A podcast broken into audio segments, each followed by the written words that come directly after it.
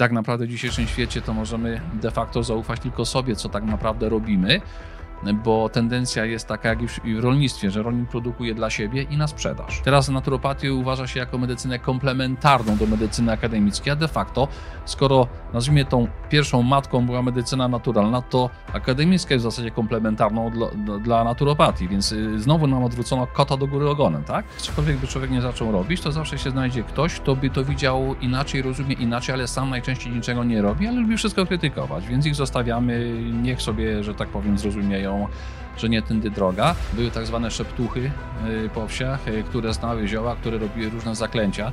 I w związku z tym nigdy to nie było oddzielone, powiedzmy, na przykład dziełoletnictwo od tej y, strony takiej duchowej, ezoterycznej. Jak na początku tłumaczę, na czym polega przyczynówka, to każdy tak na mnie patrzy, bo czym się nie spotka. No przecież jak ma coś, to jest tabletka, tak?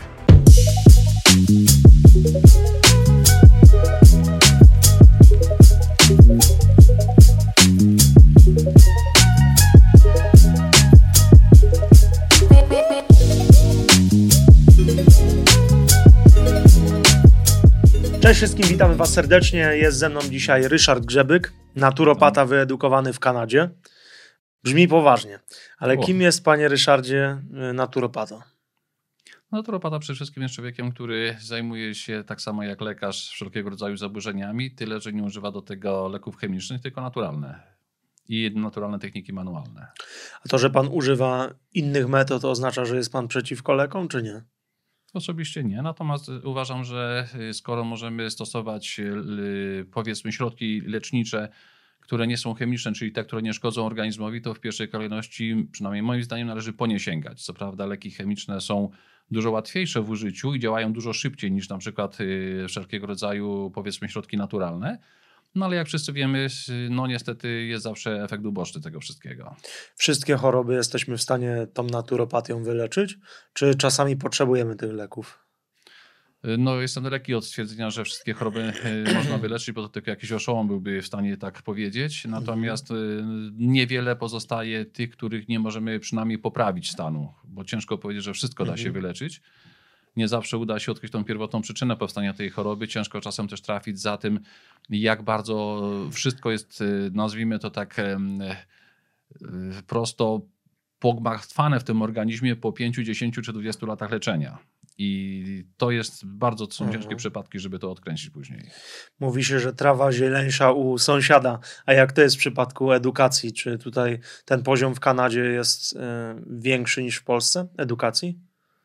No, szczerze Dlaczego mówiąc, akurat tam? Szczerze mówiąc, e, właśnie zgodnie z tą zasadą, że trawa zieleńsza u sąsiada, nie chciałbym tutaj być jakimś kanadyjskim szowinistą, ale w Polsce w zasadzie nie ma żadnego poziomu edukacji na tym, e, na tym poletku. E, stąd właśnie zrobiłem tą dwuletnią szkołę, żeby chociaż trochę przybliżyć ten poziom amerykański, który, który tam się nauczyłem, dlatego że tutaj no ciężko, z mojego punktu widzenia przynajmniej, z punktu logicznego, no, mieć jakiekolwiek zaufanie do naturopatów, którzy są po 5-10-dniowym y, kursie y, i uważają się za wyedukowanych naturopatów i później się dziwią, że lekarze nie chcą z nimi mhm. rozmawiać. Ja przepraszam, jeżeli lekarz się edukuje na samych studiach 6 lat plus przynajmniej 2 lata praktyki, 3 lata specjalizacji, to jaki mamy poziom edukacji y, po takim kursie kilkudniowym do tylu lat nauki? W Ameryce Północnej jest to tak, że trzeba mieć skończone 2-3 lata jakiejś biochemii czy podobnej jakiejś nauki. Wtedy idzie się na college 4-letni naturopatii. Dlatego tam jest to rozpoznane na poziomie państwowym i uprawnienia naturopaty są mhm. bardzo bliskie do uprawnień lekarzy. No i tam nie ma problemów, że lekarz nie rozmawia z naturopatą, bo wielu lekarzy po prostu robi sobie dodatkowy kierunek jako naturopatię, z dumą dopisując sobie skrót ND do swojego tytułu no i cieszą się oczywiście zdecydowanie większym wzięciem niż e, sam tytuł e, lekarza. No, no w Polsce jest to nie do pomyślenia. To czy my w takim razie postrzegamy tych naturopatów w Polsce jako szarlatanów, przyrównujemy do takich, którzy wymyślili sobie jakąś dodatkową naukę poza tym systemem akademickim, no bo wiele osób, laików, e, ma takie podejście, że jeśli coś nie jest zgodne z tą oficjalną nauką i nie powiedział tego doktor w, w śniadaniówce, no to w ogóle najlepiej e, się nie odzywać. Yy, powiem tak, no na szczęście jeszcze nie uznaje się w Polsce naturopatów jako yy, jakichś nawiedzonych, chociaż yy, no, Nie chcę tutaj też za dużo mówić, żeby też jakby tym, którzy mają dobre chęci i szczere, że tak powiem, tutaj nie dokopywać. Natomiast no niestety to idzie w tym kierunku, że tak będziemy tutaj uważani. Z tego prostego powodu, co powiedziałem wcześniej. Jeśli system edukacji się diametralnie nie zmieni w polskich szkołach wszelkiego rodzaju naturopatii, tylko to będzie ciągle oparte na bardzo tam czymś wąskim i jeszcze ezoteryce, która w ogóle nie powinna mieć miejsca w przypadku chociażby takich zawodów jak naturopatia, bo naturopatia nie jest powiązana z ezoteryką, jest to naturopatia, nazwijmy to naukowa, tak samo jak medycyna akademicka no to niestety środowisko polskich naturopatów zapracuje sobie bardzo intensywnie, że tak może być postrzegane. Czyli te błędy to jest tak, dziesięciodniowy kurs i łączenie tego z ezoteryką, tak? Mniej więcej to są te powody. Yy...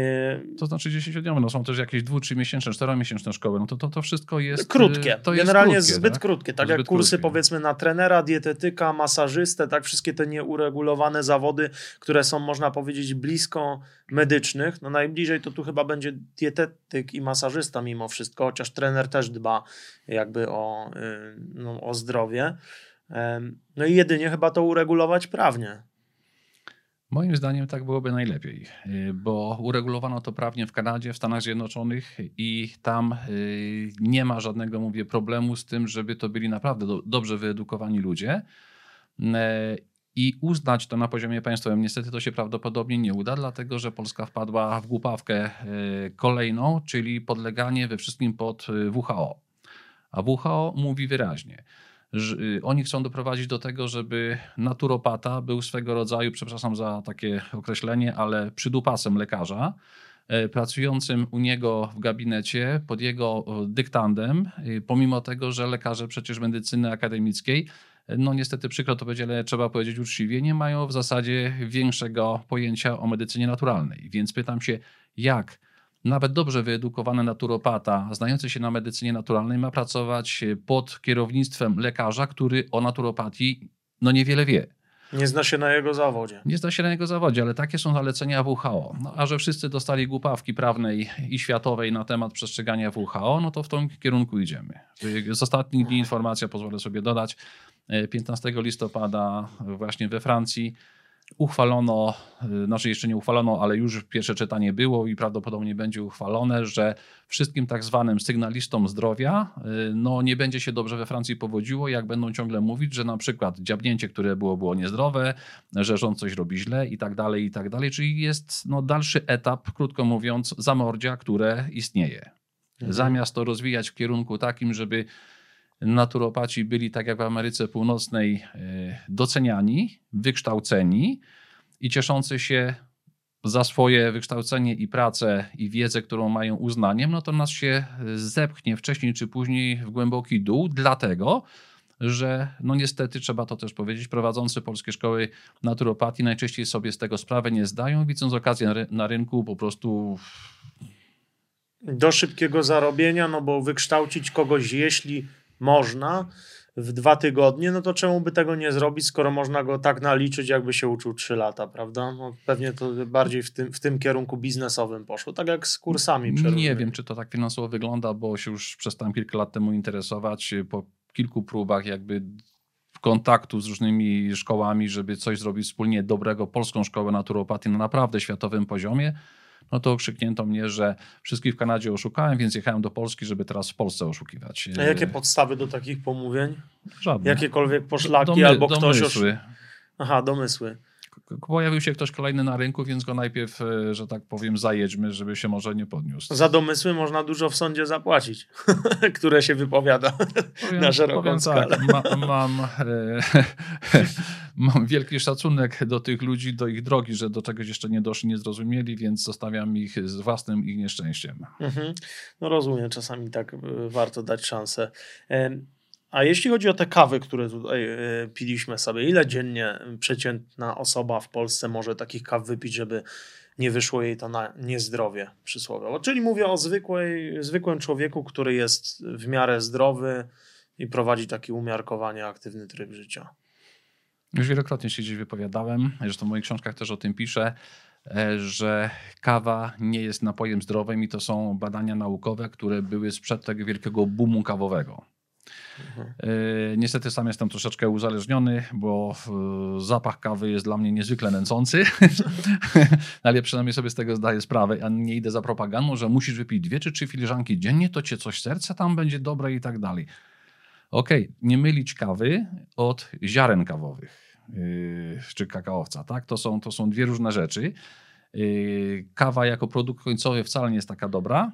Poza kawą, którą mogę naprawdę z ręką na sercu polecić, spalarni zesycowa, dlatego że tam mają specyficzną technikę do tego, żeby kawę przyrządzać na przykład o smaku miętowym, o smaku pomarańczowym, mimo tego, że nie, absolutnie nie dodają żadnych rzeczy, typu jakieś tam smakowe konserwanty, nie wiadomo co, mają tak technologię laserową, z tego co wiem, dobrze dograną, że potrafią w trakcie tego upalania y, tę kawę ukierunkować nie tylko smakowo, ale na przykład na to, żeby poprawiała pracę serca czy pracę układu trawiennego. Mm, ciekawe. I skąd to wiem? No stąd wiem, że y, kupuję od czasu do czasu od nich kawę i rzeczywiście y, na przykład zauważyłem się lepsze trawienie po, po tej, która jest na układ trawienia, więc no przetestowałem i mogę naprawdę powiedzieć. Reszta kawy kupowana w sklepie raczej omijam ją szerokim łukiem, gdy tylko mogę. Czyli takie zwykłe kawy sklepowe raczej nie wchodzą w grę, jeśli mówimy o zdrowiu.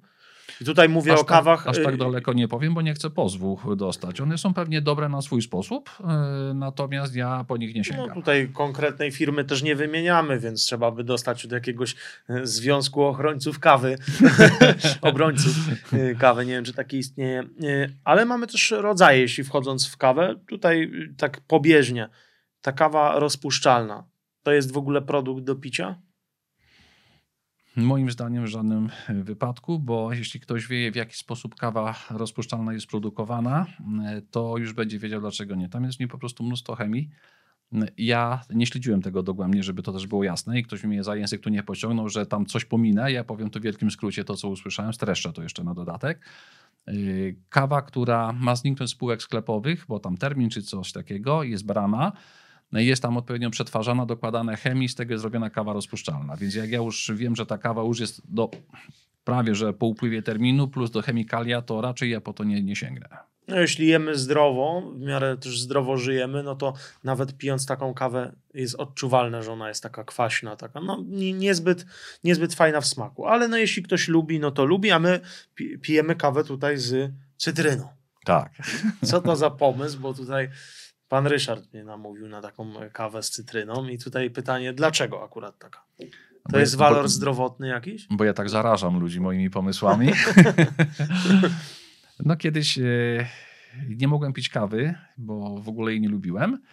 No ale e, składało się tak, że trzeba było zawsze pić rano kawę, więc piłem z mlekiem. Z mlekiem. Jak zobaczyłem gdzieś po roku czasu takiego picia, że mam dziwny ból w wątrobie, e, tak na skróty trochę to opowiadając, Zacząłem szukać dlaczego. Okazało się, że kawa sama e, z mlekiem wytwarza jakiś przedziwny kwas, e, który niszczy wątrobę. No więc wtedy mówię, nie no, przecież to tak nie może być. Zacząłem szukać, jak tą kawę ewentualnie wypić, żeby się inni na mnie yy, znajomi z pracy nie obrażali, że, że z towarzystwa wyskakuje. I tak doszedłem do tej cytryny. Okazało się, że ta cytryna jest świetna, dlatego że zmniejsza zakwaszenie kawy jako takiej, całkowicie łagodzi jej smak yy, i jeszcze ma dodatkową atrakcję pod tytułem, że jeśli ktoś rano wstanie, bo jest na przykład y, zmiana pogody, i, czy jakieś takie trochę ciężkie myślenie poranne, ale nie po balandze całonocnej, y, to wypicie takiej kawy z cytryną w ciągu średnio 10-15 minut rzeczywiście o wiele poprawia ten stan umysłowy, że człowiek się staje taki bardziej pobudzony i przede wszystkim umysł zaczyna y, normalnie funkcjonować. Y, więc... Mhm. Wie, wiele osób właśnie chciałoby podkręcić tą pracę mózgu, czy to do nauki, czy do pracy umysłowej. Jak to można y, w skrócie zrobić poprzez no, pańskie metody na przykład? No, taką najprostszą metodą, jaką wszędzie zalecam, to jest zdanie sobie przede wszystkim sprawy z tego, że zmieniono nam częstotliwości, ilość herców w instrumentach muzycznych i te wszystkie, e, które dzisiaj mamy, piosenki z radia, płyty, które są wydawane, są e, nagrane, mm, jeśli dobrze pamiętam, mają 440 Hz, a te starożytne instrumenty, które e, były, na których była muzyka wygrywana, mają 432 Hz. I co to powoduje różnica tych 8 Hz? Ano powoduje to, że słuchając muzyki, i to obojętnie jakiej, tylko, znaczy obojętnie jakiej, jeszcze takiej, która ma cztery takty. Ci, co trochę się znają na muzyce, pewno będą wiedzieć, bo ja się na tym zupełnie nie znam, powtarzam to tylko. Powoduje to, że synchronizują nam się półkule mózgowe. Teraz, jeżeli muzyka ma 440 Hz, powoduje dysynchronizację półkul mózgowych. Co za tym idzie? Naszego myślenia i bystrości umysłowej. Chaotyczność. Chaotyczność. Jest to bardzo nieznaczna różnica, czyli to nie jest coś takiego, że się posłucha tydzień, dwa czy, czy rok czasu i mózg jest, że tak powiem, na zasadzie marmolady. No ale ilość czasu robi tu swoją robotę. I można mhm. sobie bardzo łatwo znaleźć programy konwertujące z tą ulubioną muzykę, jaką się ma, żeby ją przerobić na te 432. I jak ktoś ma ja nie mam e, słuchu muzycznego w ogóle, ale ja potrafiłem wychwycić różnicę w słuchaniu. No więc ci, którzy chociaż trochę są w tym kierunku utalentowani, natychmiast zobaczą, jaka jest różnica. Po pierwszym takim szoku, że ojej, to jest coś dziwnego, mi nie pasuje, upłynie, nie wiem, może 20 minut już tej muzyki można spokojnie słuchać i ona tak nie podkręca, że tak powiem no my niewiele możemy zrobić z tymi czynnikami na zewnątrz. To jest czynnik, który na pewno możemy zmienić. Mhm. A jeśli chodzi o właśnie hałas, te bodźce stresowe, powietrze, e, stresy takie ogólnopojęte, tutaj jest jakiś sposób na to, czy niewiele? Czy raczej powinniśmy się skupić na tym, co jemy, jak jesteśmy aktywni i tak dalej? No, na, na rozładowanie stresu zawsze dobrą formą jego rozładowania była aktywność fizyczna. Więc tutaj jakiekolwiek treningi które powodują u nas zwiększony wysiłek, wypocenie się, czy nawet takie powiedzmy treningi, gdzie trochę agresji da się wyładować, jak żeśmy nawet wcześniej rozmawiali, czyli jakiś bok, sztuki walki i tak dalej, są no cudownym rozwiązaniem, zwłaszcza dla takich e, ludzi, którzy no szukają troszeczkę mm, jak, y, takiego sposobu na ostresowanie się, ale też na pobudzenie adrenaliny, no bo to troszeczkę jednak się facet czuje facetem wtedy, kiedy mówiąc brzydko dostanie po gębie parę razy i sam gdzieś tam wtuli kilka pięści, tak? Czuje się, łach, to było dobry dzień, tak? No nie mówię o tych, którzy ja nie dotykać mnie, bo, bo, bo pająk po ścianie chodzi, tak? Ja mówię o mężczyznach. No taką mamy naturę i testosteron robi swoje, jeśli kto, go ktoś ma na właściwym poziomie. Aha, okej, okay. ja właśnie no, niech pan dokończy. No to już skończyłem. Tak? No odnośnie tego testosteronu e, dzisiaj, to zahaczę temat, e, no bo mm, chyba jest coraz mniejszy u mężczyzn w dzisiejszych mhm. czasach. Przynajmniej tak mówią, tak mówią jakieś tam badania. E, I no, dlaczego tak się dzieje? I co możemy z tym zrobić? Mówimy tutaj na przykład o chłopakach dwudziestoletnich, którzy mają poziom testosteronu na poziomie 80-latka na przykład. No tak, bo zapomina się o tym, że przede wszystkim mentalność, w jakiej się dzisiaj wychowują młodzi ludzie y, i wychowanie bezstresowe jest katastrofą dla naszej mentalności. Nie ma y, zdrowego, nie ma zdrowej psychiki w późniejszym życiu i normalnego radzenia sobie ze stresami, jeżeli człowiek w dzieciństwie nie był y, przygotowany właśnie tym wychowaniem stresowym. Ja nie mówię, że stresować dzieciaka specjalnie, ale to, że dostanie klapsa tu czy tam, jeszcze nikomu nie zaszkodziło. E, to jest po pierwsze. Po drugie, mamy niesamowitą ilość wszelkiego rodzaju ksenoestrogenów w naszym otoczeniu i o ile kobiety są powiedziałbym troszkę bardziej na to odporne, bo one jako istoty estrogenowe lepiej to tolerują, e, tak na nas facetów to powoduje dosłownie kastrację. To jest numer dwa. E, numer trzy to jest to, no, że nosimy te nieszczęsne telefony komórkowe, których dzisiaj no, ciężko sobie wyobrazić, że ktoś go nie będzie miał, w kieszeniach właśnie spodni najczęściej, no bo nie ma go gdzie włożyć, tak? Ciężko go na głowie nosić czy pod pachą. No więc nosimy go w kieszeni spodni, promieniuje to na obszar miednicy i większej i mniejszej, na organy płciowe, czym doskonale e, niszczy, krótko mówiąc, e, no, i testosteron, i w konsekwencji spermę, bo jest wiele badań klinicznych potwierdzających, że e, nawet już 15-20 minutowe trzymanie tego telefonu w kieszeni powoduje znaczne obniżenie na przykład mobilności plemników. Mhm. I problem jest z tym, że Y, ludzie podchodzą do chociażby tego promieniowania y, telefonii komórkowej, czyli de facto promieniowania mikrofalowego, y, w taki sposób, że no tego nie widać, to, to tego nie czuć. Jak komuś postawią wieżę przekaźnikową na dachu budynku, on się tym w ogóle nie przyjmuje i nie chce nawet wiedzieć, że on dosłownie w kokonie elektromagnetycznym żyje.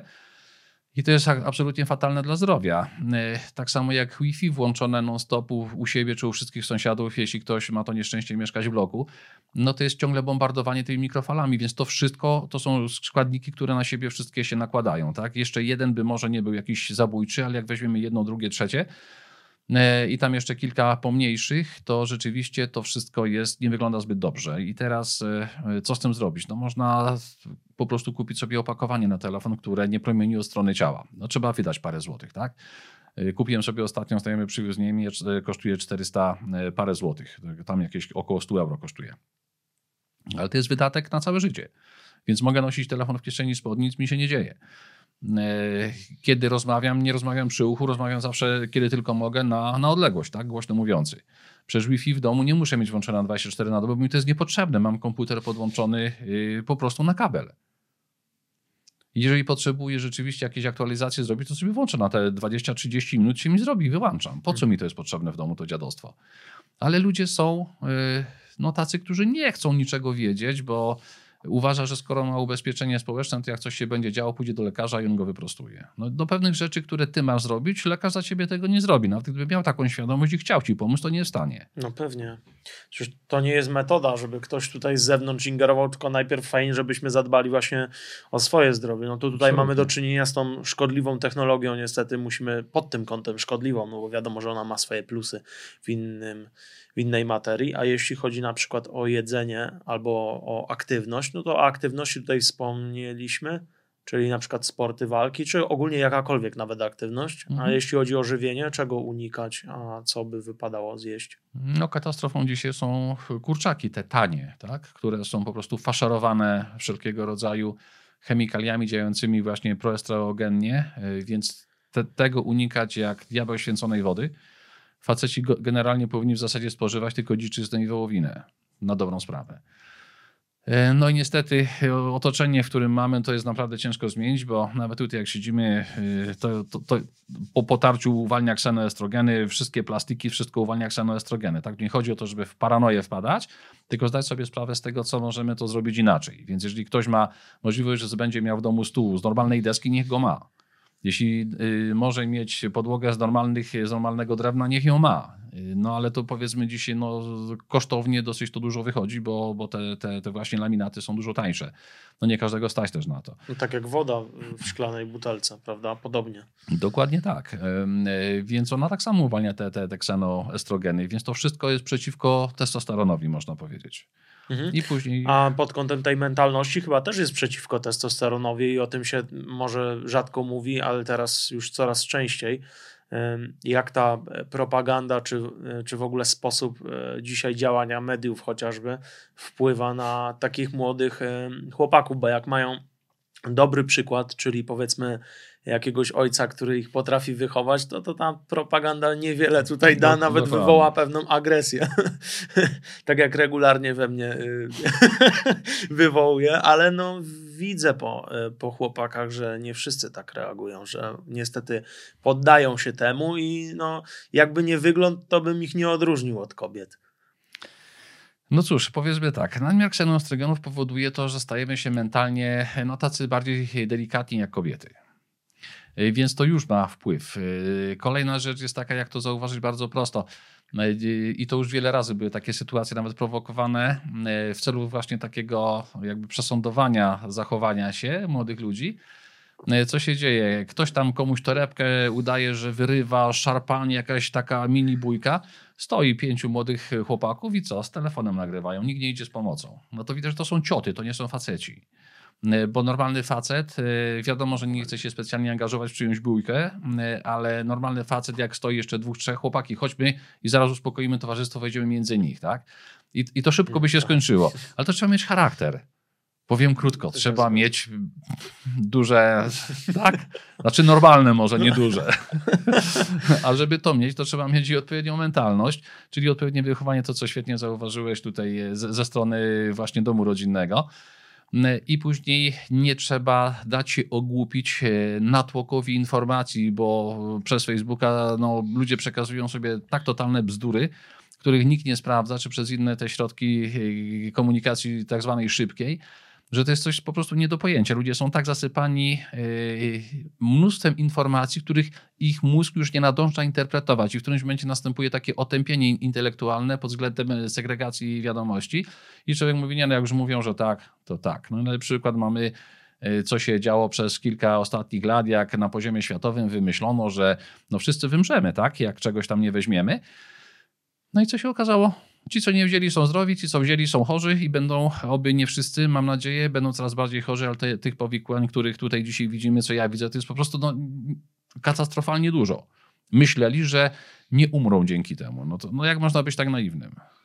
No myślę, że sami sobie e, plują w brodę, ale to mechanizm racjonalizacji gdzieś tam wytłumaczy, wytłumaczą sobie na swój sposób, dlaczego zrobili dobrze, chociaż śmialiśmy się, to znaczy ja najbardziej e, szczególnie mówię tutaj za siebie, że się śmiałem z, z osób, które powiedziały, a dla świętego spokoju, bo chcę wyjechać, no i dwa lata później mogłeś wyjechać i dalej możesz i jakby, ale, ale nie wiadomo, co w sobie dzisiaj masz, prawda? Tak, ale wiesz, to jest dokładnie to, co, co wcześniej dopiero powiedziałem, że nawał informacji powoduje otępienie y, w segregacji tych informacji. Człowiek już w którymś momencie bezwiednie się na coś zgadza.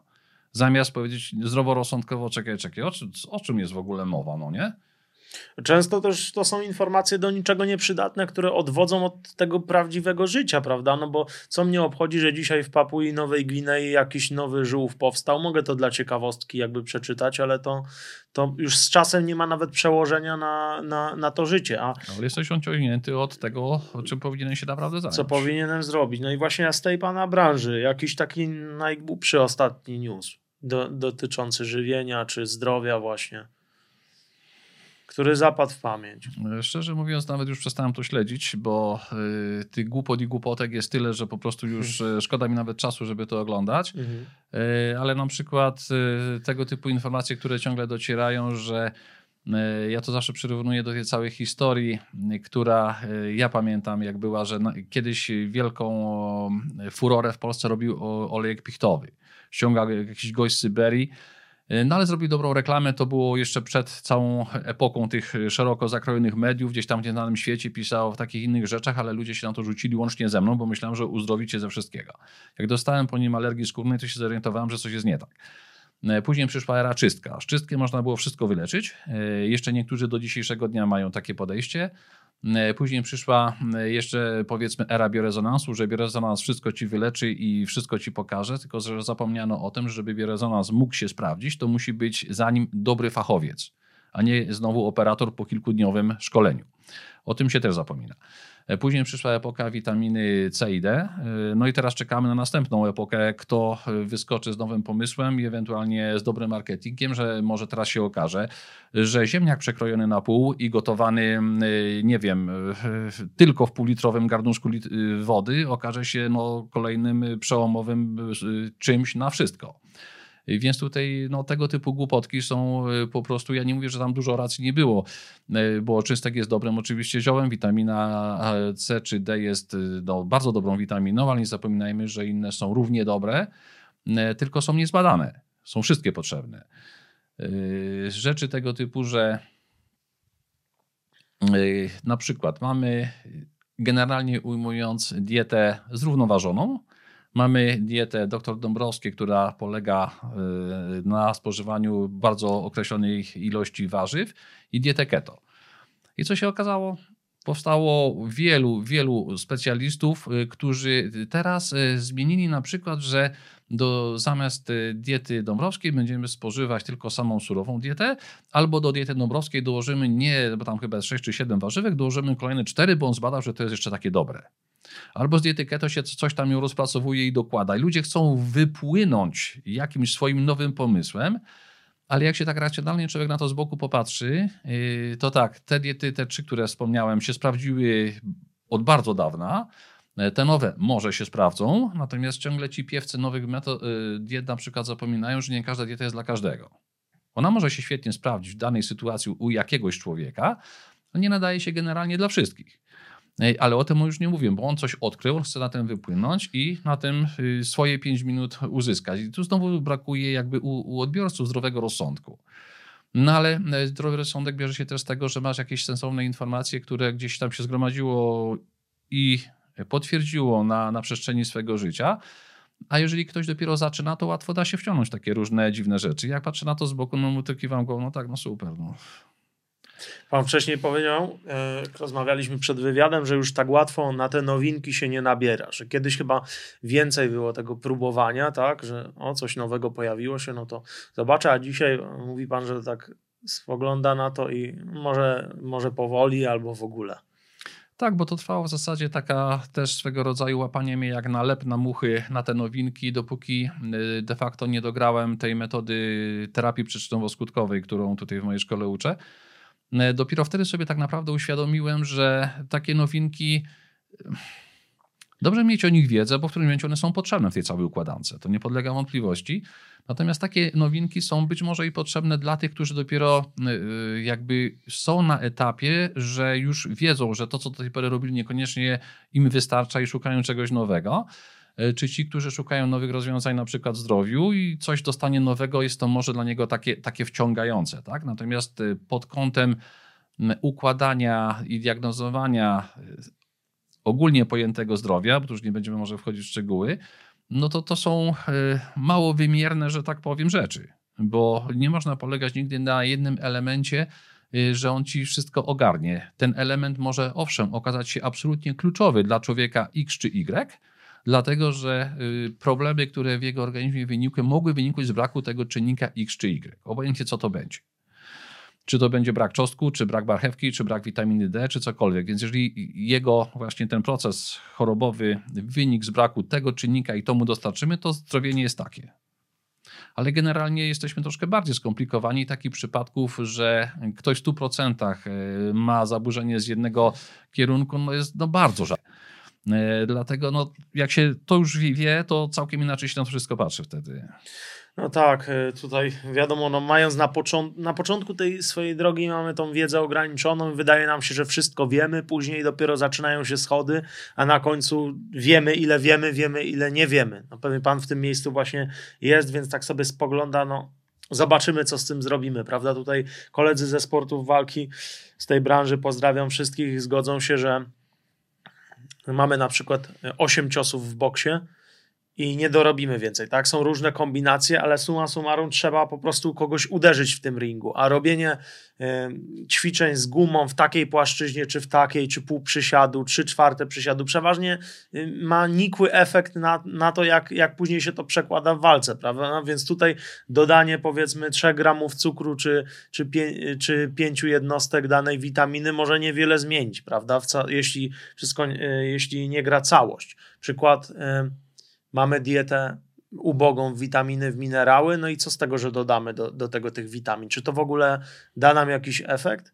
Czyli powiedzmy, jem przeciętnie, jem w fast foodach, mało błonnika, mało witamin tych naturalnych minerałów, ale powiedzmy dorzucam dużo tej witaminy C czy witaminy D i tak syntetycznie. Jak, jakie to ma później skutki? No, jeśli się tak e, źle odżywiamy, to wręcz powinniśmy suplementować e, tego typu rzeczy. Natomiast ja tu powtórzę to, co już wiele razy mówiłem. Nie dajmy się znowu zapędzić w kozi róg, że będziemy suplementować tylko jeden czy dwa minerały, czy jeden czy dwie witaminy. Pamiętajmy, że my do naszego metabolizmu, do dobrego zdrowia potrzebujemy praktycznie około 100 różnych rzeczy. I te rzeczy są e, świetnie, to jest tablica Mendelejewa, krótko mówiąc, tak? Te rzeczy znajdują się fenomenalnie w plaźmie morskiej, ale znajdują się też w potężnej ilości w pyłku pszczelim, w którym jest ponad 70 różnych mikroelementów.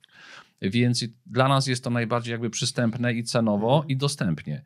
Nie musimy tego za granicę ściągać e, i płacić dużych pieniędzy, więc przy takiej ubogiej diecie wręcz należy jedną, dwie łyżeczki dziennie takiego pyłku suplementować i to daje świetną energetykę na przykład a im więcej się tego bierze, tylko znowu nie przesadzać, bo jak powiem, że po tym jest większa energetyka, to ci, którym zależy teraz na wysokiej energetyce, to będą jedli po pół kilograma dziennie. No to, to też nie tędy droga, tak?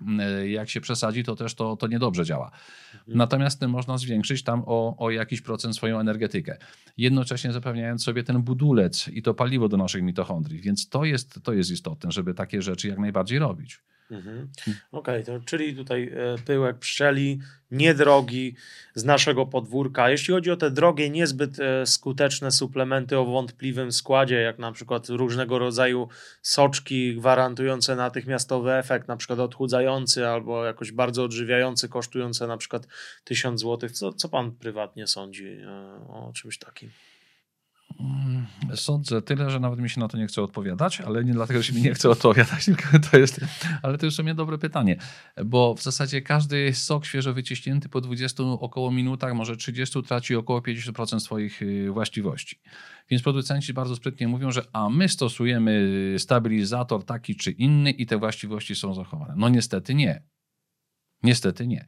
Jeżeli jest odpowiednie rzeczywiście przetwórstwo, ale to są naprawdę bardzo drogie technologie, to można tą powiedzmy energetykę y, tych, y, y, tych witamin czy minerałów, które są w tym soku, tej energetyki tego soku zachować w dużej części, ale najczęściej dochodzą do tego, no niestety, konserwanty, które nie są dla nas dobre. W zasadzie chyba tylko dwie firmy mógłbym jakoś z czystym sumieniem polecić, które mają dobre linie technologiczne, drogie linie technologiczne i dają w końcowym efekcie dobre produkty. Reszta raczej nie bym nie sięgał po ręką po to. Mhm. No jak, jakim cudem, no proszę sobie zrobić prosty test. Wycisnąć sok y, z czegokolwiek, z marchewki, z jabłka, z tego, co jest pod ręką i postawić go szklance na stole. I zobaczcie, czy on wam wytrzyma tydzień czasu. Kupujecie y, w butelkach czy w kartonach ze sklepu takie soki. One mają żywotność, wow, jaką długą. I się nie psują. Nawet jak go otworzysz, to on się tak szybko nie zepsuje. W lodówce to może stać i stać. No więc coś jest y, no, jak to mówią, ochrzczone dodatkowo, nie? To, co odróżnia je w smaku, to przede wszystkim takie świeże soki mają bardziej wyraziste te smaki, na przykład kwaśności, prawda? To Oczywiście. widać o soku pomarańczowym. On jest bardzo kwaśny, nawet jeżeli jest ze słodkich y, pomarańczy. A jeśli kupimy taki napój, o jakim właśnie Pan mówił, no to on smakuje po prostu jak, taki, jak taka woda o smaku pomarańczowym i no posłodzona. Dobrze osłodzona, tak. A istnieje tabletka na szybkie odchudzanie? Mm, jak się pan dowie, to proszę mi powiedzieć. Znaczy są tam jakieś tabletki, które rzeczywiście powodują szybkie odchudzanie, natomiast e, trzeba zawsze patrzeć na to, jakie są tego efekty uboczne. E, nigdy bym nie sugerował, żeby ktoś coś takiego stosował, dlatego że zazwyczaj płaci się za to zdrowiem w innym wymiarze. Tylko czasem ludzie są tak zdesperowani e, tym, że nie mogą zgubić wagi i to im tak no, mentalnie doskwiera, że on już się zgadza na to, że mu coś uszkodziło wątrobę na przykład, ale żeby schudł parę kilogramów, no to to jednak nie tędy droga jest. Tu, tu trzeba wtedy wejść, krótko mówiąc, nie w typową objawówkę, że dobrze, mam trochę za dużą szybkość odkładania tłuszczy, więc chcę równie szybko się ich pozbyć, tylko trzeba wejść w przyczynówkę, dokładnie poregulować organy wewnętrzne, zobaczyć skąd się bierze y, to, ta, ta skłonność organizmu do tycia i po prostu to uregulować. I to może trwać rzeczywiście w tym momencie już nie ileś tam tygodni, tylko, tylko może nawet i rogi dwa i trzy. Ale jak zostanie to uregulowane, to już nie będzie problemu takiego dużego, albo w ogóle ten problem zniknie i będzie można spokojnie żyć i się nie stresować, nie szukać cud tabletki na, na tego typu rzeczy. Mhm. Otyłość to jest jedna z chorób cywilizacyjnych, które coraz częściej można spotkać. E, a jakie są inne, których powinniśmy się bać i co ewentualnie z nimi zrobić? Inne co? Choroby cywilizacyjne. Czyli na przykład y, cukrzyca, nadciśnienie. Y, no to raczej widzimy wszyscy, co się wokół nas dzieje. Króluje co? Choroby układu krążenia, króluje rak, króluje cukrzyca. To są takie powiedzmy... A insulinooporność też tutaj jakby przy tej cukrzycy, czy Ale to jest jakieś... No, jak, jest, jak jest cukrzyca, zawsze występuje insulinooporność. Mhm. Jak najbardziej, bo to pierwsze występuje insulinooporność, później się przekształca w cukrzycę. No niestety nie wychwytuje się najczęściej tego stanu insulinooporności, dlatego że na ten moment jakby nikomu to się w oczy nie rzuca. To jest taki cichy stan utajony i dopiero gdy się zaczynają jakieś poważniejsze zaburzenia, człowiek tyje, coś tam bysłość umysłową mocno traci, zaczyna szukać skąd się to bierze, robi jakieś badania, wtedy lekarz e, dopiero pewnie po którejś wizycie wpadnie na to, że trzeba krzywą cukrzycową sprawdzić, e, a krzywą cukrzycową każdy może sobie iść zrobić i zobaczyć, czy już jest na tej drodze, czy nie. I już można zapobiegać. Mhm, czyli wymienił pan te choroby. No rzeczywiście one są dotkliwe, chyba najwięcej śmierci jest z tymi chorobami mhm. E, wieńcowymi w ogóle układu krążenia. I teraz co z tym zrobić? Jak możemy temu zapobiegać? No bo jeżeli ktoś jest już na etapie leczenia, czy leży w szpitalu, no to dzisiaj niewiele mu taki wywiad pewnie pomoże, chociaż zawsze coś tam, coś tam trafi. Bardziej mówię o takich prewencyjnych e, mhm. zachowaniach, ewentualnie jak to się zaczyna już rozwijać. Jak, co można tutaj e, poradzić? Jak się to zaczyna rozwijać zostanie wychwycone, to jest powiedzmy tak, e, wycofanie się z tego problemu jest bezbolesne i szybkie. Bo na przykład oporność insulinowa no bardzo szybko się wycofuje przy diecie dąbrowskiej czy diecie keto. Tylko teraz jest tak, że dieta dąbrowskiej nie nadaje się dla wszystkich i dieta keto też nie nadaje się dla wszystkich. E, bo e, to są typy ludzkie. Jeśli ja to już gdzieś mówiłem, ale powtórzę, bo to jest dosyć ważna informacja. Dieta dąbrowskiej na przykład nadaje się dla takiego typa jak ja. W miarę dobrze zbudowany, zapas energetyczny odpowiedni, Świetnie się czuję zresztą po diecie dąbrowskiej, chociaż y, nienawidzę przez nią przechodzić, bo ja jestem mięsożercą. Tak? Sery, mięsa to jest mój świat. Więc jak przechodzę na warzywa, to, no, to jest katastrofa dla mnie, ale daję radę. Y, natomiast y, równie dobrze się zresztą czuję też na diecie keto, ale jeśli ktoś jest na przykład takim zwanym no, takim chudym człowiekiem, wręcz powiedziałbym bez obrazy tam kogokolwiek, jakimś helaczkiem trochę, Y, oziębłym, no to w życiu na dietę Dąbrowskiej, tylko na dietę ketogennej, żeby go rozgrzała. Y, bo tego typu ludzie, którzy się wydaje, że mamy takie pojęcie w naszym społeczeństwie, że ci, którzy mają problemy z insuliną, z cukrzycą, to są wszyscy grubi. Nieprawda. Wielu ludzi, którzy są naprawdę szczupli, mają również y, takie same problemy i dla tych właśnie jest dieta ketogenna jak najbardziej wskazana. I to wystarczy dosłownie przy diecie keto z 3 do 5 miesięcy maksymalnie i ten stan się wycofuje bardzo skutecznie na bardzo długo. Przy diecie dąbrowskiej w zasadzie od 20 dni do, do powiedzmy 40 ten sam efekt się uzyskuje. Dlatego wolę dietę dąbrowskiej, bo jest szybsza. Bardziej męcząca, ale szybsza efekty człowiek uzyskuje, wtedy może sobie przejść na przykład na swoją dietę zrównoważoną czy na keto i się dobrze czuje. Przecież nie ma opcji, żeby ktoś na diecie Dąbrowskiej był całe życie, bo dieta to nie jest dieta życiowa, tylko to jest dieta służąca do leczenia. To trzeba też rozróżnić. Bo ludzie czasem boją się w ogóle rozmawiać na temat diety, no bo to jak ja, gdyby mi ktoś zaproponował, że mam być na diecie Dąbrowskiej przez pół roku, e, to nie wiem, czy bym mu głowy nie ukręcił. Y, bo wiem, że nie dałbym rady, bo to jest po prostu masochizm w tym momencie. To musi być dobrane, y, mówię punktowo, wtedy, kiedy potrzeba, a później wracamy do diety zrównoważonej, z tym, że troszeczkę jadosłys inaczej układamy niż poprzednio, co żeśmy mieli, bo jeśli nic nie zmienimy, to znowu wrócimy do tego stanu. Mhm. Więc musimy pewne korekty zrobić, ale my mamy jeść w zasadzie wszystko. To nie jest tak, że nie będziemy jeść tego czy tamtego. No bo co, bo, bo dietetyk tak wymyślił? A ma pan jakieś zdanie o dietetykach? No. Jakie? No niestety no nie jest zbyt dobre. E, znaczy nie, nie o samych dietetykach, bo to są ludzie, którzy e, z jakimiś aspiracjami poszli na, na te szkoły dietetyczne, no a problem jest z uczelniami. Zdecydowanie z materiałem, który uczą, bo tam generalnie dietetyk, który wychodzi po takiej szkole, to świetnie umie układać diety, kalorie, przeliczać i tak dalej. No ale oni się wszyscy załamują, ci, którzy trafiają do mojej szkoły. Ja w ciągu dosłownie tam, nie wiem, jednego dnia tłumaczę, na czym polega właściwa dietetyka i oni robią duże oczy, to po co się tego kilka lat uczyłem? No właśnie mówię, ja nie wiem. Bo nie ma czegoś takiego, znaczy nie ma. Jak jest organizm zrównoważony, nie trzeba się przejmować ilością spożywanych kalorii. Oczywiście w granicach rozsądku, bo jak ktoś będzie specjalnie super kaloryczne rzeczy, no to wiadomo, że, że tłuszcz się odłoży, tak? Jeśli metabolizm dobrze pracuje e, i dietetyk jest dobrze wyedukowany, to on powinien układać diety pod kątem energetycznym i pod kątem regulacji organizmu w sensie zaburzonych funkcji i organów. Tego w żadnej szkole polskiej nie uczą. Tego uczy medycyna chińska. No, no więc przepraszam bardzo, jeżeli ktoś mi tu się prezentuje jako super dietetyk z super sukcesami i w ogóle bije popularności na YouTubie, jaki to nie jest dobry, no to, no to tak wcześniej z tymi różnymi środkami, które wychodzą na rynek, że jest coś super, ja tak patrzę na niego mówię, oj Boże, Boże, może za kilka lat pojmiesz. Ta branża jest bardzo marketingowa, właśnie dietetyczna, czy no taka, no tak. jeśli chodzi o trenerską, więc tam często wygrywają ludzie, którzy mają fajny wizerunek. To tutaj nawet mówiąc o wyedukowanych e, na uczelni osobach, to mogą mieć problem ze zrozumieniem tematu, tak jak e, pan powiedział, prawda? Więc... No bo to nie jest uczone. Gdyby tego po prostu uczyli, to ci ludzie by robili świetną robotę na naprawdę wysokim poziomie. W związku z tym, że nie są uczeni, to robią świetną robotę na poziomie, na którym byli uczeni. Ja tutaj do nich absolutnie nie mam pretensji o to. E, jedyna pretensja to może być, znaczy pretensja, to nawet nie pretensja. E, jedyna taki, taka rzecz to, to, jeśli mogę bym powiedzieć, to kochani, uczcie się, nauczcie się dietetyki chińskiej na przykład, będzie super w tym, co robicie. Po prostu super. Czyli to jest taki nowy kierunek, w którym warto iść, jeśli się jest teraz dietetykiem, żeby czegoś e, nowego się nauczyć. A dlaczego my mamy takie zacofanie? No bo tutaj poruszyliśmy temat, że no w Kanadzie wygląda to o wiele lepiej, zarówno pod kątem tych regulacji, jak i edukacji. E, no a tutaj u nas skąd to, z czego to wynika? To są nowe zawody na pewno, prawda? Ten naturopata czy dietetyk tutaj w Polsce to jest chyba dość nowy zawód.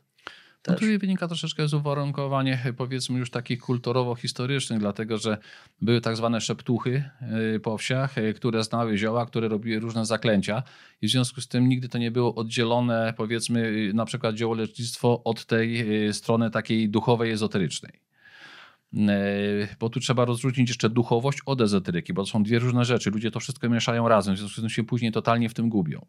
No więc jakby kulturowo byśmy wyszli z tego takiego, takiego miksu i nikt z tym nigdy porządku tutaj nie zrobił. No i więc to też wychodzi z tego, że na przykład dzisiaj w Polsce znaleźć radiestetę, który yy, nie będzie wchodził w ezoterykę jest nie sposób. Ja na przykład miałem szczęście uczyć się radiestezji we Francji, gdzie kobieta powiedziała wyraźnie, my, my uczymy się tutaj rzemiosła radiestety, ale nie ezoteryki. Czyli czym jest ta ezoteryka w tym przypadku? To jest okultyzm. Czyli takie... to, jest, to, to jest mhm. przeciwieństwo tego, co, co, co niesie prawdziwa ze sobą religia, tego, co pisze w Biblii. Tylko to jest tak fajnie na początku zrobione, że jest to niesamowicie wciągające, dlatego ludzie w to wchodzą bezwiednie, no bo to jest interesujące. No i to jest jakiś przykład, powiedzmy, rytuału, który jest pod płaszczykiem jakiejś praktyki, tak? I on, no, on daje, może dawać efekty na zasadzie bardziej domysłów czy placebo, aniżeli, y, tak? Dobrze to rozumiem? Nie, nie, to bardziej są, pod nie, tym nie, kątem? to są, to są rzeczy, które dają autentyczne efekty, dlatego jest mhm. to niezwykle przekonywujące. Na Aha. początku ja sam kiedyś w te sidła wpadłem, nie mając zupełnie świadomości, z czym to się wiąże.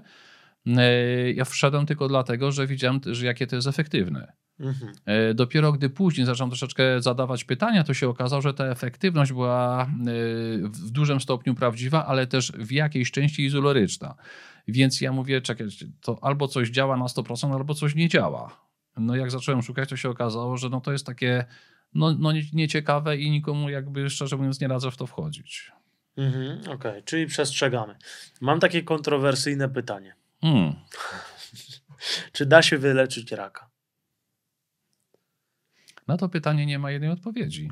Nie dlatego, że dlatego, że każdy człowiek jest inny. I co jest jeszcze istotne, jeśli jest na przykład dwóch ludzi, załóżmy, dwóch ludzi ma raka żołądka, zdiagnozowany dokładnie ten sam typ komórek i tak dalej, i tak dalej. Jest identyczne dwa przypadki pod względem takiego badania yy, typowego, jakie dzisiaj są przeprowadzane to proszę sobie wyobrazić, że ten rak żołądka u każdego z tych dwóch ludzi y, powstał inną drogą. Mhm. I to jest właśnie przyczynówka, którą wykonuje. Bo tak, jeśli się trafi na kogoś, kto nie zajmuje się przyczynówką, powie rak żołądka, dobra, trzeba zrobić to, to, to, dajemy. I może to być nawet efektywność na poziomie 60, może 80%. Może się nawet uda go całkowicie wyleczyć tą techniką, bo to znowu musi się wstrzelić. Tak jak mówiliśmy, że jeżeli powstał brak, z, z, znaczy choroba w organizmie z powodu niedoboru jakiegoś pierwiastka, witaminy czy czegokolwiek innego i to damy, to następuje błyskawiczny powrót do zdrowia. To jest dokładnie ten sam mechanizm. Jeżeli to, co podamy, w ten mechanizm logiczny się wpisuje, to nastąpi, nastąpi szybkie uzdrowienie. Ale uzdrowił się jeden człowiek z tych dwóch, a drugi się nie uzdrowił tym samym produktem. Pytanie dlaczego? Mhm. No i tutaj mamy odpowiedź, dlatego że była inna droga powstania tego samego zaburzenia, bo myśmy przyjęli gdzieś chyba w naszej podświadomości, może nam to jakoś sprytnie przekazano, że y, jeśli mamy na przykład y, właśnie tego raka żołądka, to wszyscy tą samą drogą do niego dochodzimy. Jeśli mamy alergię na pyłki kwiatowe, to wszyscy tą samą drogą do tego dochodzimy. Nieprawda. Jest ileś tam dróg powtarzających się i występujących najczęściej, ale de facto to są bardzo dosyć, bym powiedział, już na głębszym poziomie indywidualne rzeczy, skąd się ta iskierka inicjująca wzięła. Mhm. Dlatego, czy raka da się wyleczyć? Tak. Czy każdego? Nie. Mówimy, że coś jest rakotwórcze, i właśnie tutaj dochodzimy do tego e, powodu raka. Czy to właśnie tak wygląda u większości osób, że oni spożywają coś rakotwórczego lub są w takich e, okolicznościach i to jest powód, że nagle ten rak się pojawia? Mm, rak się nigdy nagle nie pojawia. Może nie nagle. Bo Rozwój raka jest oceniany na średnio od 10 do 15 lat, hmm. więc tyle lat wcześniej nastąpiła inicjacja jego w organizmie. On się bardzo powolutku rozwija i y, sama końcówka jest zazwyczaj eksplozją. E, I wtedy jest panika. Przecież ja jeszcze rok temu byłem zdrowy, zrobiłem badanie, nic nie było. No tak, ale mechanizmy, które go doprowadzają do powstania, już były bardzo aktywne. I to jest to, co bardzo ciężko lekarzom zrozumieć. Dla lekarzy rak to jest guz, tak? No najczęściej guz, bo przy akurat y, raku krwi tam guza nie ma, ale, ale to już mówię, coś musi być y, znaczącego na badaniach, na wynikach, wtedy o jest rak. Natomiast oni zdają sobie sprawę właśnie z tych mechanizmów, że to są no w zasadzie w większości przypadków indywidualne mechanizmy dochodzenia do czegoś tam. Mhm. A problem jest taki, że w naszym otoczeniu mamy mnóstwo substancji właśnie rakotwórczych, y, które znajdują się najczęściej w wodzie pitnej. Przyznane są to, że na przykład herbicydy używane na rośliny, którymi są opylane, to y, niektóre z ich składników są bardzo rakotwórcze. Na przykład Roundup ma w sobie glifosat, który jest bardzo rakotwórczy. E, a przede wszystkim jest znany z tego, że on niszczy układ hormonalny. Jak tam, e, I teraz tak, można powiedzieć, że on bezpośrednio może nie wywołuje raka, ale poprzez niszczenie układu hormonalnego powoduje obniżenie odporności i to daje otwarte drogi do raka, bo to trzeba jeszcze rozróżnić, czy to jest bezpośredni mechanizm, czy pośredni, tak? No ale naprawdę tych substancji rakotwórczych to, są, to nie jest kilka czy kilkadziesiąt, to jest tylko kilkadziesiąt tysięcy. No oczywiście na szczęście nie z wszystkimi mamy do czynienia, bo prawdopodobnie by tak długo nam się nie udało żyć, ale żyjąc w naszym tam środowisku, mhm. mamy dostęp do żywności z jakiegoś tam najczęściej środowiska, więc tam tylko najczęściej jakaś tam grupa tych toksyn do nas dociera, nie tak bardzo szeroko wachlarzowa. I teraz pytanie, czy mamy na tyle silny znowu metabolizm, organy wydalnicze, układ enzymatyczny, że on potrafi te toksyny związać, trochę zneutralizować i usunąć, czy jest na tyle słaby, że zaczyna to odkładać. Jak zaczyna to odkładać, no to jesteśmy na prostej drodze do tego, żeby za x lat, y, no niestety to chróbsko się u nas pojawiło. Takie bezpośrednie rakotwórcze substancje mi kojarzą się właśnie z papierosami albo z alkoholem, to prawda? Powinniśmy ograniczać, nie spożywać tak, zawierają substancje rakotwórcze, natomiast y, po raz kolejny to zależy bardzo wiele od organizmu człowieka. Ja miałem sąsiada, który palił dziennie po 40 papierosów. Nie umarł ani na raka, ani na raka płuc, ani innego, po prostu umarł i palił całe życie. Więc jak lekarz, ja słyszę, jak lekarz zaleca pacjentom, nie pal papierosu, oczywiście dużo w tym racji jest, bo tam są substancje rakotwórcze, ale znowu się pomija ten czynnik indywidualny. Jest to mhm. taka porada ogólna, która rzeczywiście zabezpiecza jakąś grupę społeczną człowiek myślących, bo skoro wiemy, że papierochy y, szkodzą, to ich nie palmy, tak? Mm, ale to jakby nie wyczerpuje zupełnie tematu. To jest taki mniej niż wierzchołek góry lodowej. Środek doraźny. A co się dzieje z organizmem po zjedzeniu fast foodu? Hamburgera, hamburger, Orga frytki. Organizm jest bardzo szczęśliwy, jest najedzony. A wpływa to w jakikolwiek sposób negatywnie na nas? Ale oczywiście, że tak. Przecież one zawierają mnóstwo e, niedobrych dla nas kwasów tłuszczowych przede wszystkim. Y, ten pokarm najczęściej to jest pokarm y, no, najgorszej jakości, jaki tylko jest możliwy do, y, do kupienia, bo, bo jest najtańszy. Najczęściej jest trochę podsypywany glutaminem sodu, żeby te wartości smakowe jednak z niego wyciągnąć, który z kolei wcale dla naszego układu nerwowego nie jest dobry, ani dla naszego mózgu. No i po spożyciu takiego posiłku tak naprawdę to żeśmy sobie takiego, takiego szczura do domu wpuścili. No oczywiście spożycie jednorazowe, no, czy tam nawet jak ktoś je, nie wiem, raz na tydzień, raz na dwa tygodnie, no najlepiej raz na miesiąc, tak, albo w ogóle. No ale czasem jest taka sytuacja, że człowiek jest w drodze, jest głodny, to co ma zjeść? No, no nie ma nic innego, kupi tego fast fooda. On te, od, od tego na pewno nie umrze. Natomiast problem jest taki, że jeśli się ktoś zaczyna zajadać fast foodami codziennie, czy, czy, czy bardzo często, ilość powtórzeń się nawarstwia i ten problem się potem coraz bardziej y, skręca się organizm z tej właściwej drogi. A istnieje jakaś zdrowsza wersja? No ja czasami słyszę, jem zdrowszą pizzę, bo włoską prawdziwą, albo jem zdrowsze hamburgery niż w popularnych sieciach, no bo one nie są z tych takich e, bułek w cudzysłowie plastikowych, które przetrwają 4 czy 5 lat, tylko to, są, to jest normalna bułka. Czy to jest jakaś różnica, czy ta zawartość tych kwasów, na przykład sera, sosów i tak jest podobna? Aż tak głęboko nie badałem, żebym na 100% mógł na to odpowiedzieć, natomiast zdecydowanie lepiej zrobić sobie hamburgera samemu na zasadzie własnoręcznie upieczonej na przykład bułki y, z, z mąki pełnoziarnistej i na pewno wołowiny stuprocentowej bez dodatków, których nigdy nie wiemy, co tam było zmielone i dodane razem, tak? No to, to zdrowotność nie podlega w tym momencie w ogóle tutaj i jakość dyskusji, bo to są dwa różne światy. Więc jeżeli tak naprawdę w dzisiejszym świecie, to możemy de facto zaufać tylko sobie, co tak naprawdę robimy, bo tendencja jest taka jak i w rolnictwie, że rolnik produkuje dla siebie i na sprzedaż. No tak, tak. tak? Właśnie, I jak, to, to jest wszędzie. Jakie wędliny warto kupować w takim razie? Wędliny i tak samo na przykład właśnie mięso. No na pewno yy, uczulałbym, by nie kupować tych kurczaków szybko pędzonych, bo one są tanie, łatwo dostępne. Jak idziemy do sklepu, to są same skrzydełka i nóżki, jakby resztę kurczaka często nie było. No więc no, coś tutaj nie pasuje. Brakuje mi części kurczaka w tym wszystkim. A jak brakuje, to znaczy, że to jest z czegoś pędzonego.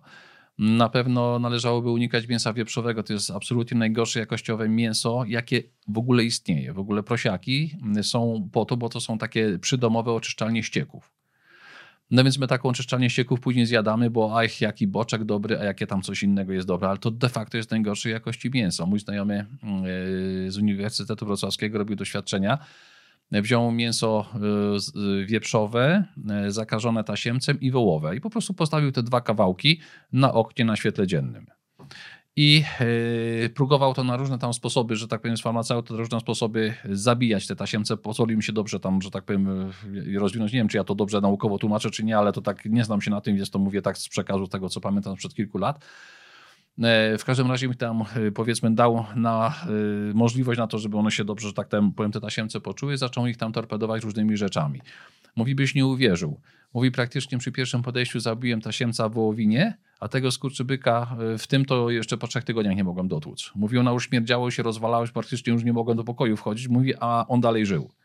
Czyli bardziej sprzyjający pokarm dla tego tasiemca to jest. E, pokarm okazuje się, że e, tasiemce na przykład na te, te wieprzowe są Y, trudniejsze też do usunięcia z organizmu. Więc to też jest jakaś, y, znowu wracamy tutaj, no tutaj tak. do Biblii, gdzie pisze, że są mięsa czyste i mięsa nieczyste. Więc y, wołowie jest mięso czyste, więc nawet ta siemiec daje się łatwiej usunąć. No, no, jest coś głębszego za tym, co my jeszcze na tym poziomie rozumiemy.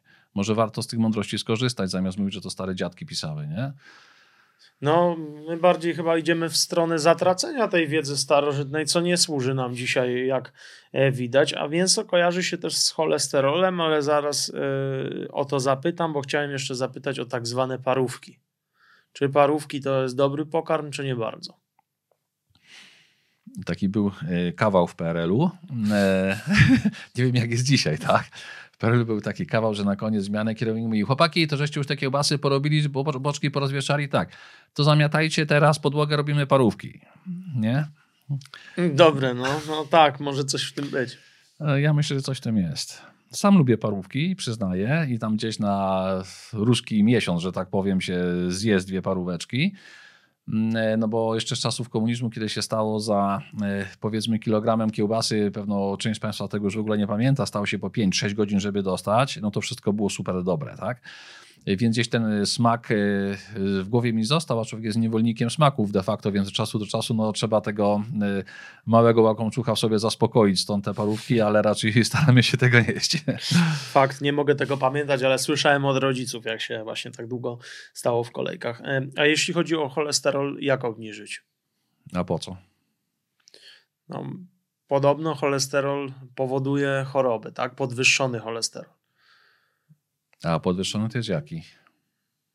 No pewnie jest norma, do której to przyrównujemy i wtedy jeżeli wyjdzie, że jest podwyższony, no to powiedzmy są jakieś środki zapobiegawcze, żeby powiedzmy go obniżyć, tak? No powiedzmy sobie szczerze, tak, to jest moje oczywiście zdanie osobiste. To jest kolejna głupawka, którą się wtłacza ludziom na wszelkie możliwe sposoby bo znowu się koncentrujemy tutaj na objaw. Już pomijając, że to jest absolutnie, te, te poziomy są szczapy wzięte, te na badania, które się w laboratorium robi, to w ogóle się nie ma jak pięć do nosa do, do, do tego, co powinno być, ale załóżmy, że one są, załóżmy przez chwilę tylko na potrzeby tutaj tego, tego krótkiego wyjaśnienia, że to są dobre poziomy.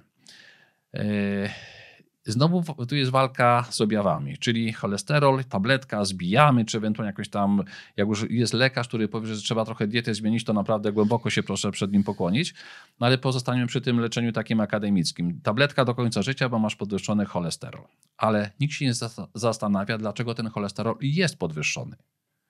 A dlaczego cholesterol jest podwyższony? Jeżeli mamy uszkodzenia w układzie krążenia, to wątroba wytwarza cholesterol po to, żeby te, nazwijmy to w cudzysłowie, ranki w układzie krążenia po prostu zabalsamować cholesterolem. Cholesterolem, przepraszam. Stąd jest ten cholesterol podwyższony. Czyli teraz, zamiast y, brać w sposób bezmyślny takie tabletki, należy się zastanowić, czy przypadkiem nie warto oczyścić, oczyścić układu krążenia, odbudować go i przede wszystkim dobrze przeczyścić wątrobę, żeby ona mogła właściwie, wtedy kiedy jest to potrzebne, ten cholesterol wytwarzać. To jest właściwa droga, przyczynowa, a nie objawowa tabletka i koniec. Mhm.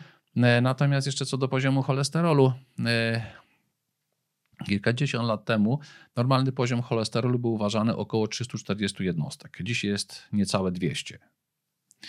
E, I jeśli się to przekroczy, to jest wielki alarm, ojej, cholesterol jest do góry, ale mówię, nikt z lekarzy się nie pochyla nad tym, że to trzeba układ krążenia zregenerować i wyczyścić, wątrobę trzeba wyczyścić. Ja mam osobiście cholesterol 250 i się martwię, że mam tak niski. Mam pełną energii. A dlaczego mam pełną energii? Dlatego, że z cholesterolu wytwarzają się hormony sterydowe, które de facto dają nam siłę. Płciowe hormony. Tak. Y, więc e, no ja byłbym się, naprawdę zacząłbym się martwić, gdyby mi to jeszcze spadło. Nie byłoby z czego wytwarzać testosteron. No to dokładnie. I teraz y, wracamy do początku rozmowy. Dlaczego ci dzisiejsi faceci są tacy, jacy są? Dlatego, że między innymi mają za niskie poziomy cholesterolu. Dlatego nie są wytwarzane właściwej ilości właśnie hormony sterydowe, z których wytwarza się właśnie testosteron chociażby. No i w związku z tym oni są później bardziej kobiecy niż męscy. A dieta wegetariańska w tym przypadku? To też zależy indywidualnie, jak na kogo podziała. Na jednego może być super rozwiązaniem, a drugiego jeszcze bardziej osłabi. Tutaj, tutaj bym niczego nie przeceniał w żadną stronę, bo to trzeba naprawdę indywidualnie z- zrobić. Iść na taką dietę, zrobić sobie badanie przed y, dietą, dwa miesiące później, cztery miesiące później masz odpowiedź. I nie trzeba zgadywać. Kiedyś napisałem o propagandzie antymięsnej, to zostałem zjedzony przez przeróżnych przedstawicieli diet wegetariańskich, którzy nie rozumieli, że nie chodzi mi o wegetarianizm, tylko o propagandę antymięsną. ale po prostu debaty chcieli ze mną e, okay. robić na ten temat, ale no, jak już przyszło co do czego, to żadnej nie było niestety. Okej. Okay. Dlatego zapytałem. E, a jeśli chodzi o nadciśnienie? To samo co z cholesterolem. Zaniżamy te normy i dzisiaj jak ktoś już ma 140 na 90, to... To znaczy przy y, akurat... To już jest, nic, to już jest wysoko, tak? Przy akurat naciśnieniu może te normy są akurat niezaniżone, są w miarę dobre, ale uważa, y, naprawdę zdrowe ciśnienie to jest y, mniej więcej 80 na około 110, nie na około 120. I to jest dopiero ciśnienie, które w dłuższej perspektywie prognozuje naprawdę długie życie i dosyć zdrowe życie, jeśli go sobie nie zakłócimy. Y, u nas się przyjmuje, że najlepszy to jest 80 na 120, co też nie jest złe, ale już mhm. nie jest idealne. Natomiast każde powyżej jak najbardziej nie jest dla, dla nas tutaj budujące.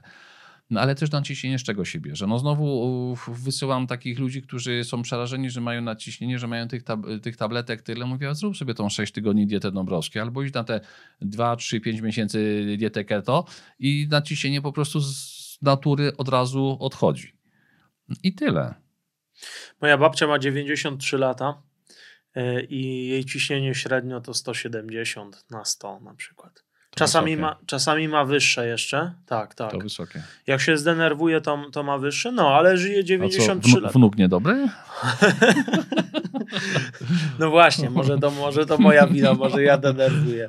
E, ale też y, wydaje mi się, ja mam takie swoje prywatne zdanie, które może zabrzmieć odważnie, że długowieczność może być troszkę bardziej zapisana i mniej pod naszym wpływem, ale jakość życia jest bardziej pod naszym wpływem. Zgodziłby się no, pan absolutnie. z czymś takim? Absolutnie.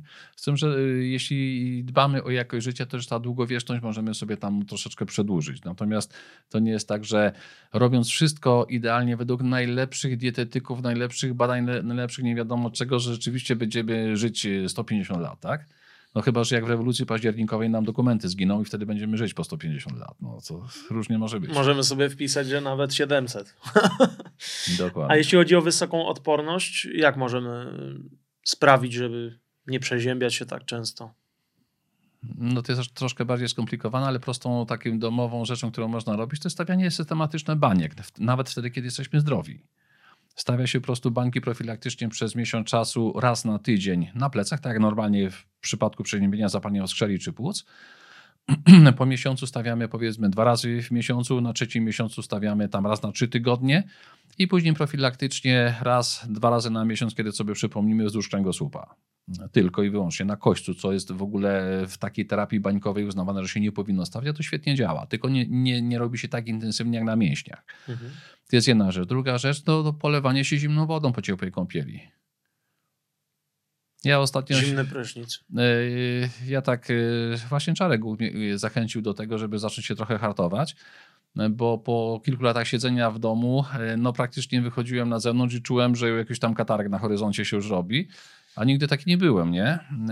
No ale siedzenie w domu zrobiło swoje. I ja mówię, no kurczę, muszę z tego wyjść. I tak akurat się wtedy z, z Czarkiem zgadaliśmy. I on mówi, że on się zanurza w lodówce. Ja mówię, przecież to, to nienormalne jest. No nie, ale mówię, czekaj, przecież on żyje i widzę, że żyje, tak, bo z nim rozmawiam. Jak on się zanurza, to ja nie umrę. Ale y, było to na takiej zasadzie, że polewanie się prysznicem, no nie bardzo znosiłem tym zimnym. Więc kupiłem sobie wiaderko 15 litrów wody, do tego pół worka lodu. Yy, oczywiście na początku to była sama woda, żeby zrobić taki, takie chluśnięcie na siebie, co było, jejku, pierwszym przeżyciem to było makabra. Ale później zobaczyłem taką fajną energetykę, jaka potem mi wzrosła, no nie? Więc znowu było po raz drugi yy, samą wodą. Trzeci raz rzuciłem sobie pół worka lodu do tej wody. No i teraz jak się już polewam, to już tak naprawdę tego lodu tam jest, że często się nie, nie daje rady rozpuścić, no to aż taki prąd człowieka przechodzi, jest bardzo niemiłe takie uderzenie, ale później się człowiek czuje, czuje fenomenalnie, no nie? No i teraz e, w zasadzie no nie mam problemu takiego, jaki miałem jeszcze powiedzmy tam z rok, półtora temu, że wychodzi mi tam jakiś katarek, chodzę w zasadzie normalnie, tak jak wszyscy, bez szalika, jest okej. Okay. Więc takie proste rzeczy. Na pewno bym zaczął od baniek, ale też od takiego prostego hartowania. Tak, ja też e, to robię długi czas, już zimny prysznic praktykuję, ale muszę powiedzieć, że ciężko się do tego przyzwyczaić. Już kiedyś mówiłem jak w którejś z rozmów właśnie z gościem, że no nie da się praktycznie. Zawsze to jest y, nieprzyjemne, ale później to uczucie jest, jest właśnie bardzo fajne. Ja to robię w taki sposób, że robię zimny prysznic, daję sobie napełnić się tym ciepłem, bo zaraz nam się robi ciepło po nim, znowu zimny i tak robię trzy razy i właśnie fajne to ma efekty. To ja doszedłem do tego w ten sposób, że biorę bardzo gorący prysznic, chluśnięcie zimną wodą i oblanie się zimnym prysznicem już wtedy na mnie źle nie działa. Następnie zmieniam powoli tak? temperaturę na znowu gorącą Aha. Y, znowu biorę gorący prysznic i drugie chruśnięcie. I w tym momencie na, ten, na, ten, na dzień dzisiejszy na tym kończę przygodę. Mhm. No przygotowuję, się, przygotowuję się psychicznie do trzech podejść, ale będę musiał znowu wydać trochę pieniędzy na kolejne wiaderko, więc się tu na razie przełamuję. A do morsowania jakieś e, podejście było? E, nie, e, nie dorosłem do tego jeszcze odpornościowo mentalnie, że tak powiem. Chociaż... A Wim Hof pana przekonuje, czy nie? E, z całym szacunkiem do pana Inhofa i świetnie, że taką robotę robi, ale w każdej dziedzinie są jacyś wariaci. to na szczęście pozytywny i bardzo inspirujący, bo przekracza te granice, które dla przeciętnego człowieka, zwłaszcza dla mnie, no, są nie do przekroczenia na ten moment, ale widać, że można, tak?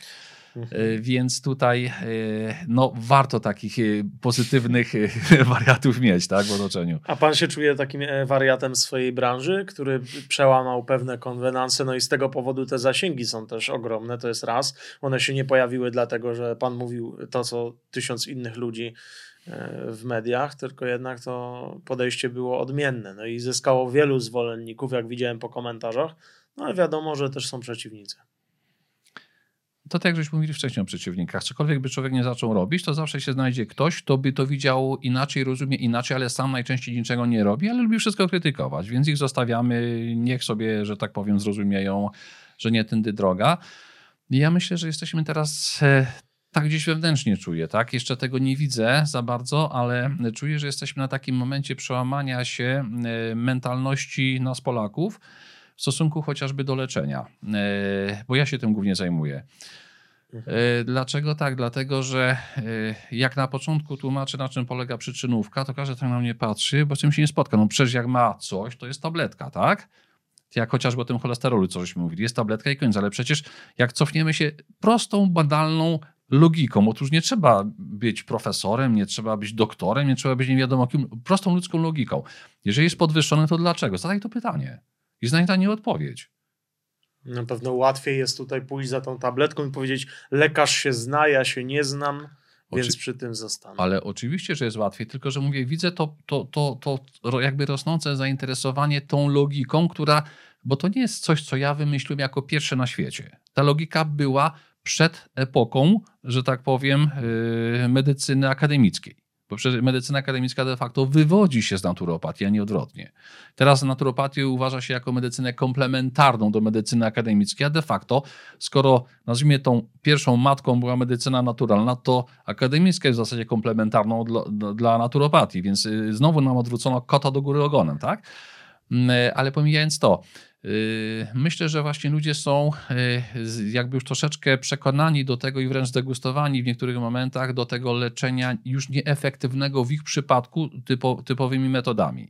To nie znaczy, że ono się nadal nie sprawdza, bo jak zawsze mówimy, metody akademickie, yy, poziomy początkowe czy, czy średnio zaawansowane, ona sobie świetnie z tym radzi.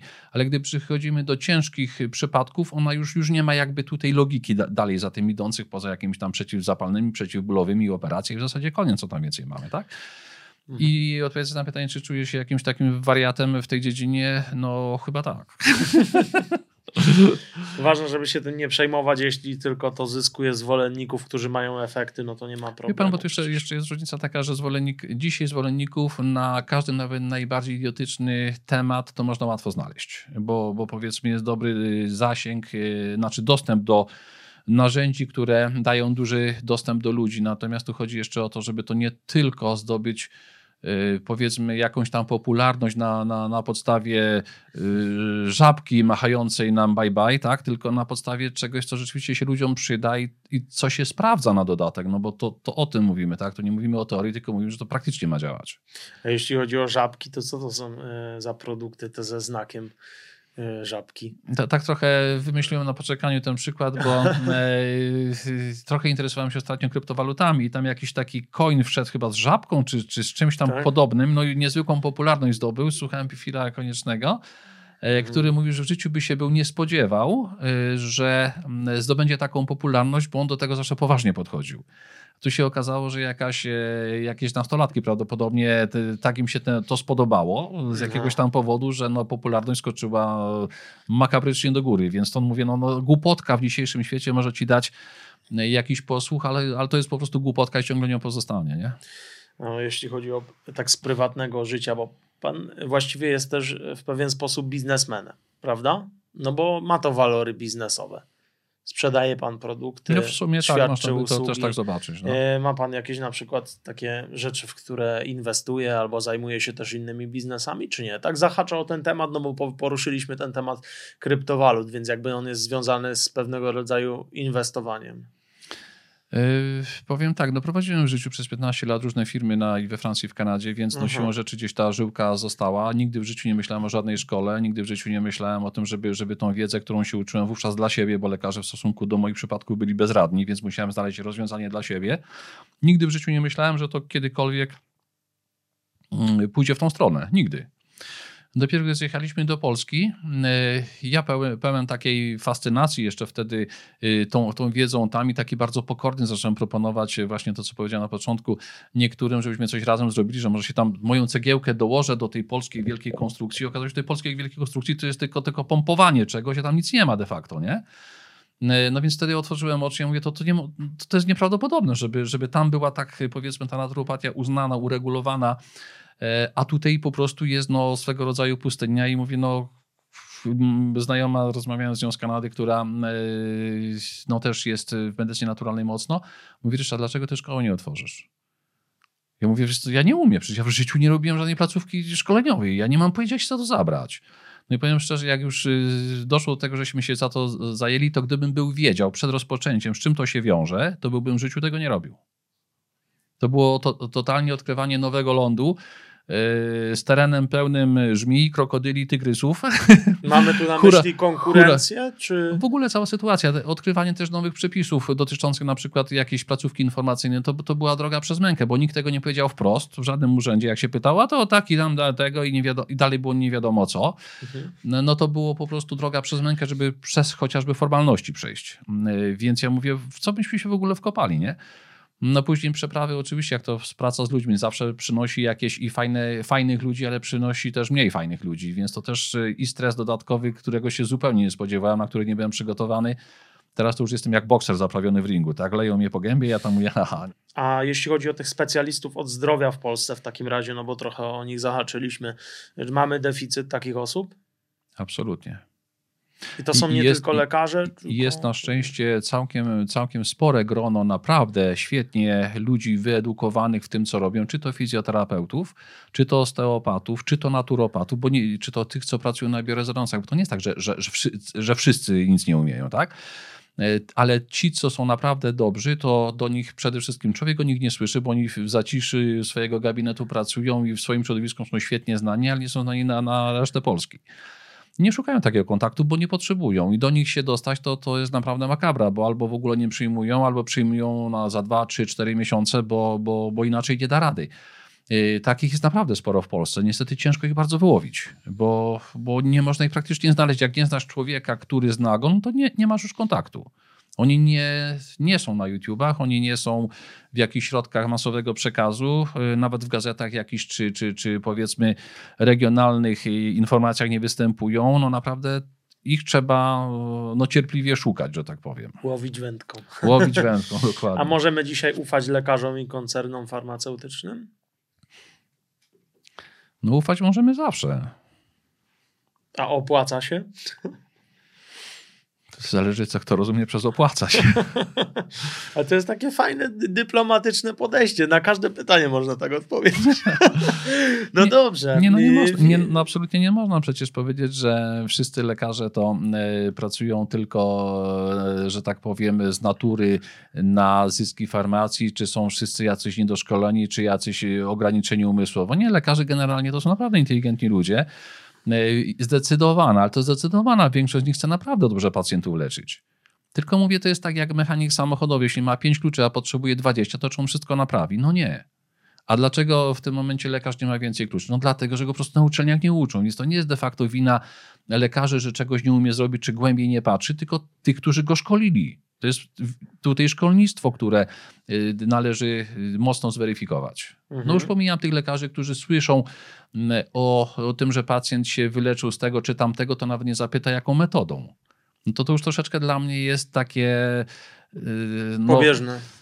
No pobieżne i świadczące troszeczkę o, o o pewnym poziomie, nazwijmy to intelektualnym takiego człowieka. Też dużo zależy od zaangażowania, prawda? Ktoś się mógł wykształcić, ale jakby no nie za bardzo może prac lu lubi pracować z tymi ludźmi i to czasami widać, Też, bo tak. nawet y, gdzieś tam, dobrze, że przy tym nie byłem, y, bo ten lekarz miał szczęście, że przy tym nie byłem, ale wiem, że tak kiepsko potraktował e, moją babcię, tak bardzo właśnie po, pobieżnie mama mi o tym mówiła, także no to mógł mieć wiedzę, ale no co, co z tej wiedzy, prawda?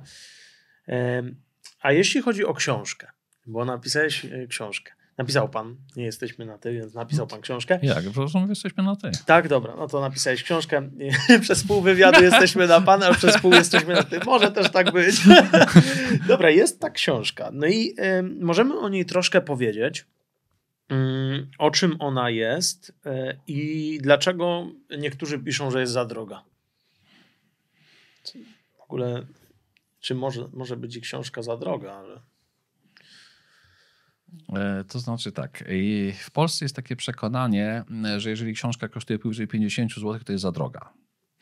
E, natomiast nikt się nie zastanawia nad tym, jaka ilość wiedzy jest w tej książce. Bo co innego zapłacić za książkę na temat jakiegoś romansu chwytającego za serce 40 zł, e, co innego zapłacić za książkę o zdrowiu za 45 zł, w której prawie nie ma nic, E, albo opisane tam dwa, trzy przypadki i koniec, a co innego e, za, zapłacić za książkę, w której jest, jak to zresztą jestem z tego bardzo zadowolony, bo miałem od samego początku podobne zdanie, bo wiem na jakiej ilości materiałów ja te książki napisałem, ale to czytelnicy sami stwierdzili, że mówi, słuchaj, w tej książce to jest wiedza z co najmniej 50 książek. I bardzo mi to, że tak powiem, moj, moj, moją y, pychę troszeczkę podwechtało, że ktoś to zauważył w końcu, tak? I to nie była na szczęście jeden człowiek, tylko było tego naprawdę y, liczbowo dosyć, dosyć znaczna ilość tych ludzi za co bardzo dziękuję, że to zostało wychwycone. Tak, rzeczywiście, jak się to bierze, to tam jest kumulacja, mówię, co najmniej, co najmniej 50 innych książek. Stąd jeśli ktoś by kupił nam te 50 książek po 20 zł, to ta moja cena jest tak jest bardzo niska. E, bo tu trzeba też pamiętać, ile się w to wysiłku wkładało. Myśmy, ja inaczej, zbierałem materiał na te książki około 6 lat. Z żoną żeśmy naprawdę te cztery książki pisali przez 3,5 roku. I to nie pisaliśmy dorywczo, tylko to była praca pełnoetatowa. E, no więc jak ktoś powie, że za taką pracę e, i za taką wiedzę, jaką otrzymuje, płaci za dużo, no to niech szuka innej literatury. No, książki wydawnictw medycznych jedna potrafi kosztować 150-200 zł. Moje dzieciaki studiowały medycynę, to za jedną książkę płaciło się 400, 600, 700 zł za jedną książkę. A jak ja tą książkę przeczytałem, to stwierdziłem, że tam co najwyżej jedna czwarta, jedna piąta powinna być zawarta, dlatego że i tak w codziennej praktyce więcej się nie używa, poza bardzo wąską jakąś specjalizacją, to lekarz ogólny nawet nie musi tego znać, bo jest mu to niepotrzebne.